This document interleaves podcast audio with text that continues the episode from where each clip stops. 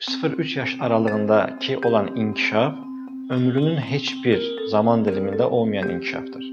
Və biz nə edirik? Bu 0-3 yaş aralığında daha çox uşaqları bu heç nə başa düşmür. E, necə deyim, ver qabağına at oyuncağı oynasın ya da hal-hazırda nə edirik? Bütün günü televizor və ya planşet qabağında uşaq vaxt keçirir. Bu da nəticə olaraq nə olur? O qızıl vaxtı biz itirmiş oluruq.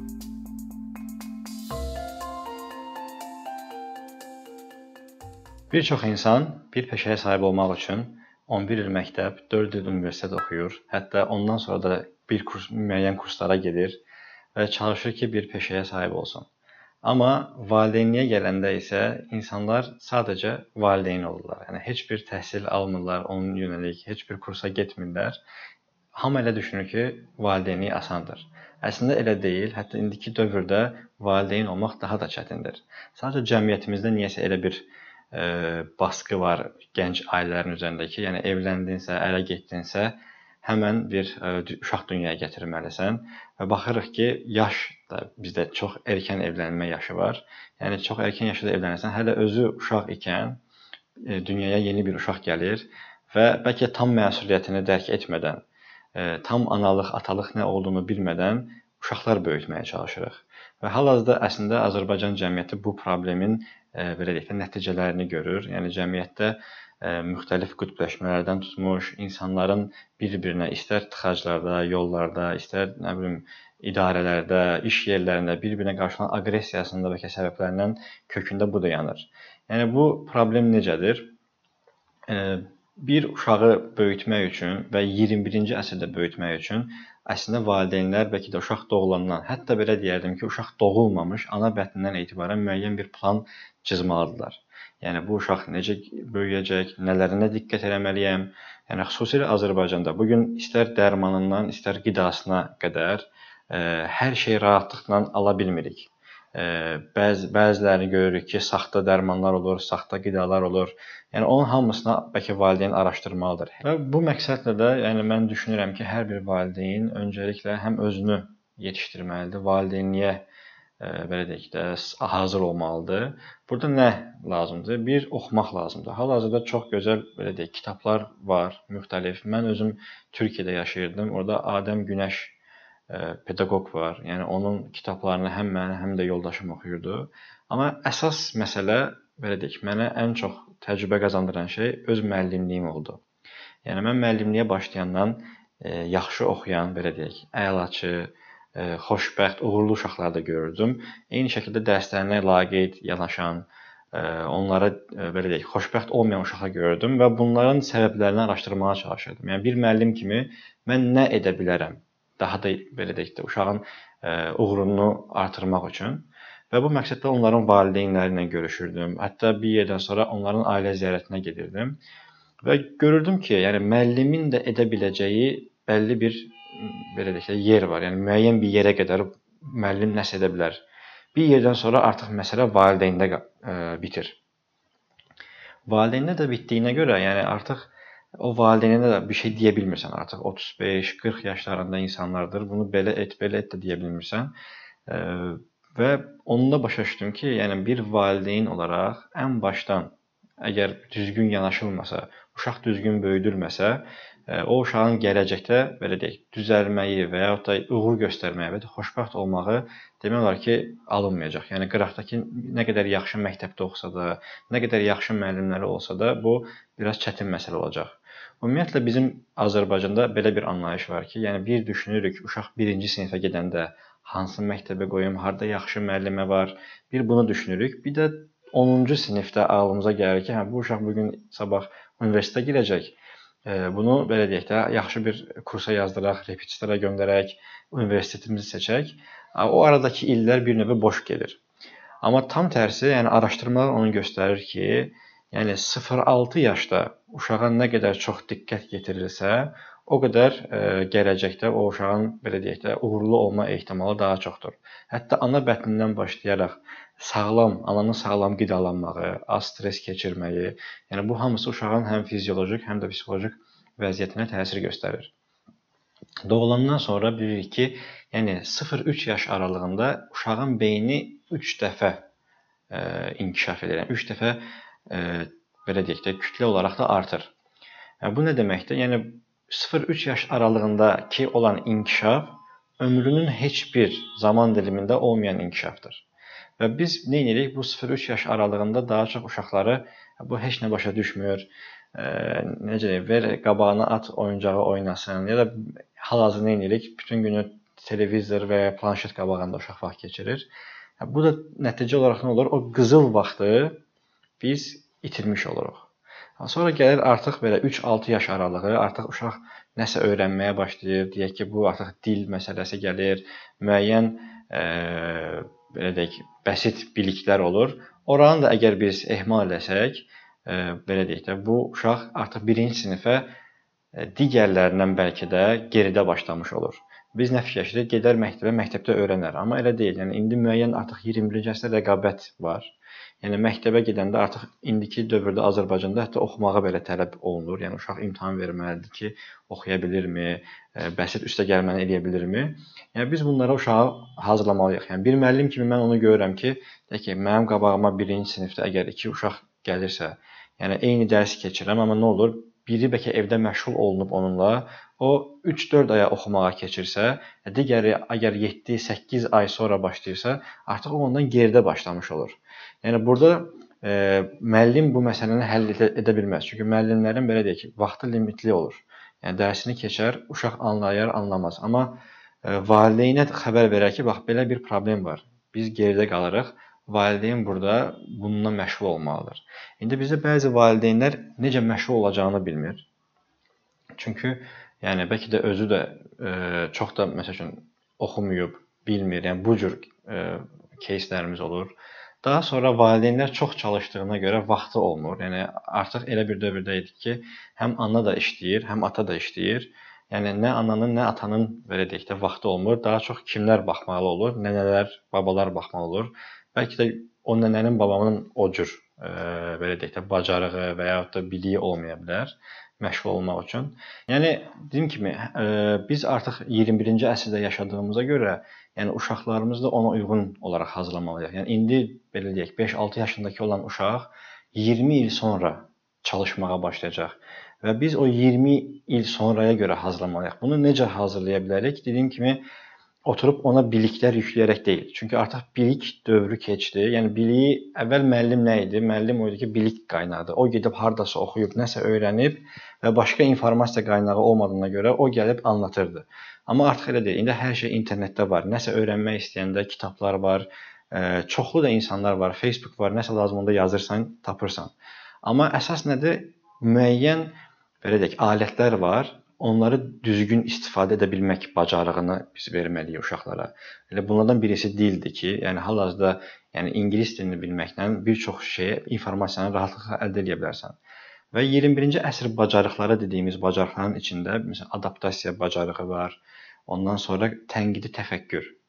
Yəni critical thinking dediyimiz tənqidi təfəkkür var və e, belə deyək, texnologiyanı düzgün istifadə eləmə, e, elmi düzgün anlama. Yəni artıq gündəlik həyatda belə deyək, 20-30 il əvvəlki uşaqlardan bəlkə bu istənmirdisə, indi artıq düşünür ki, 20 il sonra dünyanın bir çox hissəsində Yəni artıq robot əməkdaşları olacaq. Yəni robot kolleqalar olacaq.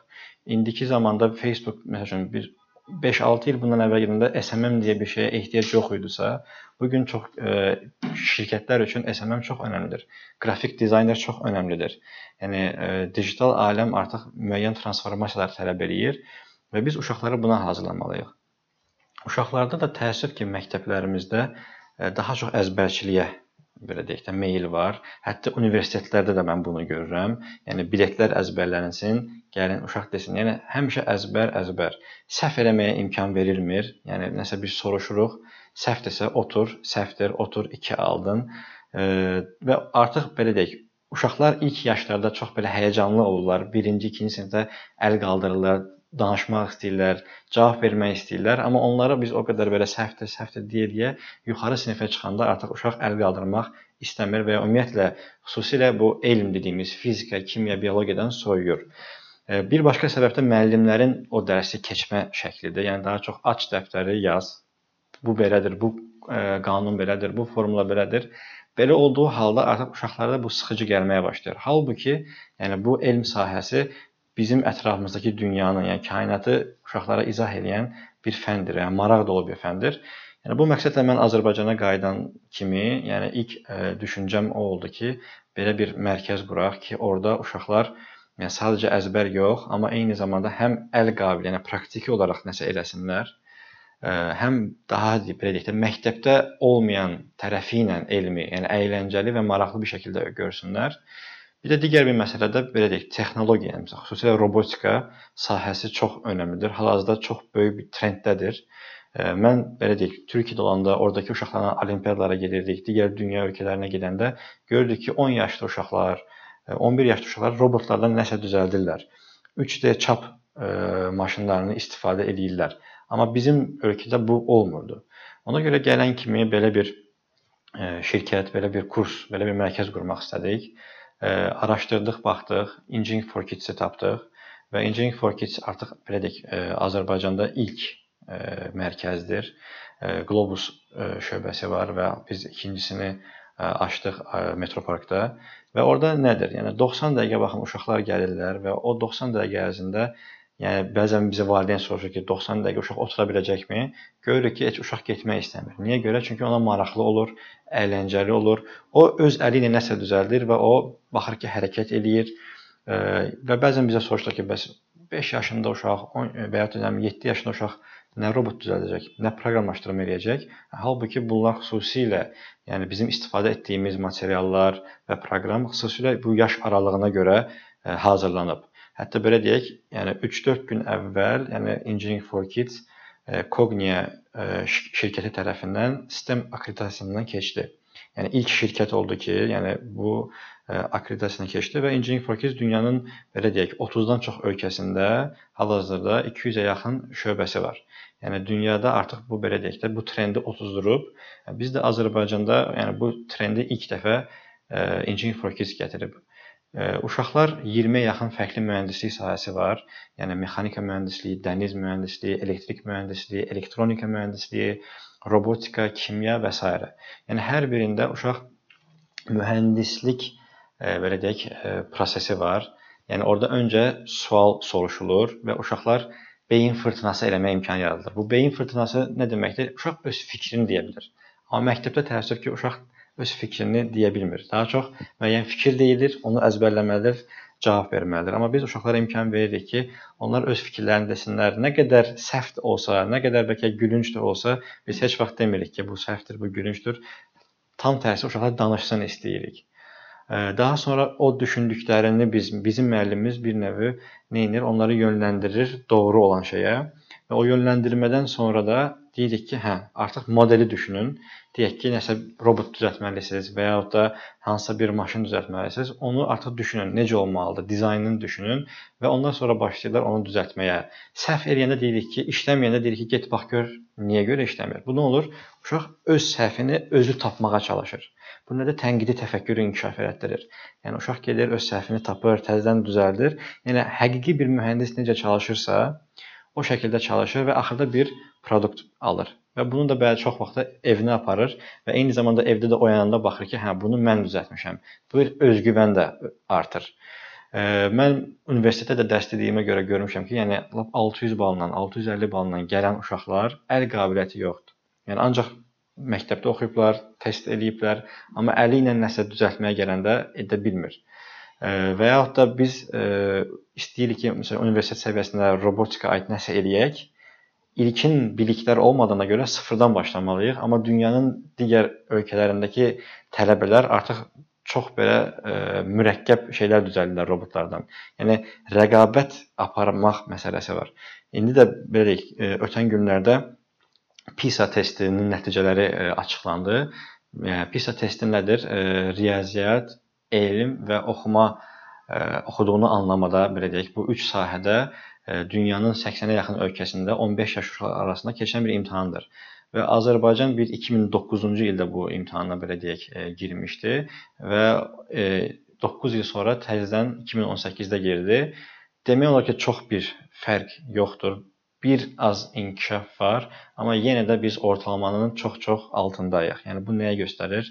Yəni bizim uşaqlarımız oxuduğunu belə tam düzgün anlamırlar.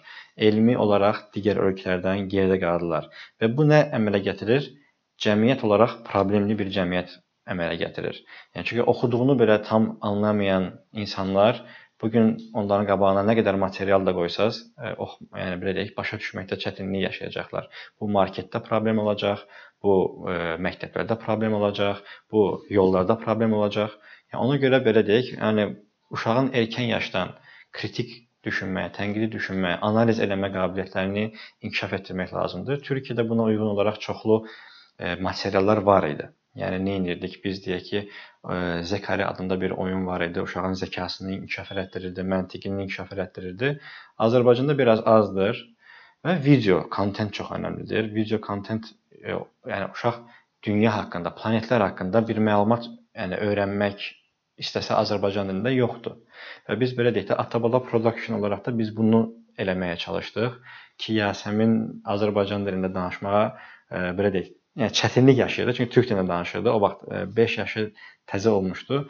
Amma mən dedim ki, yox, bunu Azərbaycan dilində eləyək. Yəni dünya haqqında, planetlər haqqında, kosmos haqqında veriliş elədik. E, daha sonra artıq mahnı da yazdıq ki, yəni uşaqlar öz dilində nəsə öyrənsinlər. İstəyirik ki, davam elətdirək. Yəni elmi eksperimentlər edib e, Azərbaycan dilində bunu belə deyək, uşaqlar izləsinlər. Çünki hamının belə deyək, kursa gəlmə imkanı olmaya bilər. Həm maddi olaraq, həm də vaxt olaraq düşünürəm ki, belə deyək, kütləvi bir şəkildə video kontent olsa, Azərbaycanlı uşaqlar daha çox faydalanar. Əlimizdən gəldiyi qədər belə deyək də, ölkəmiz üçün, millətimiz üçün çalışmaq istəyirik.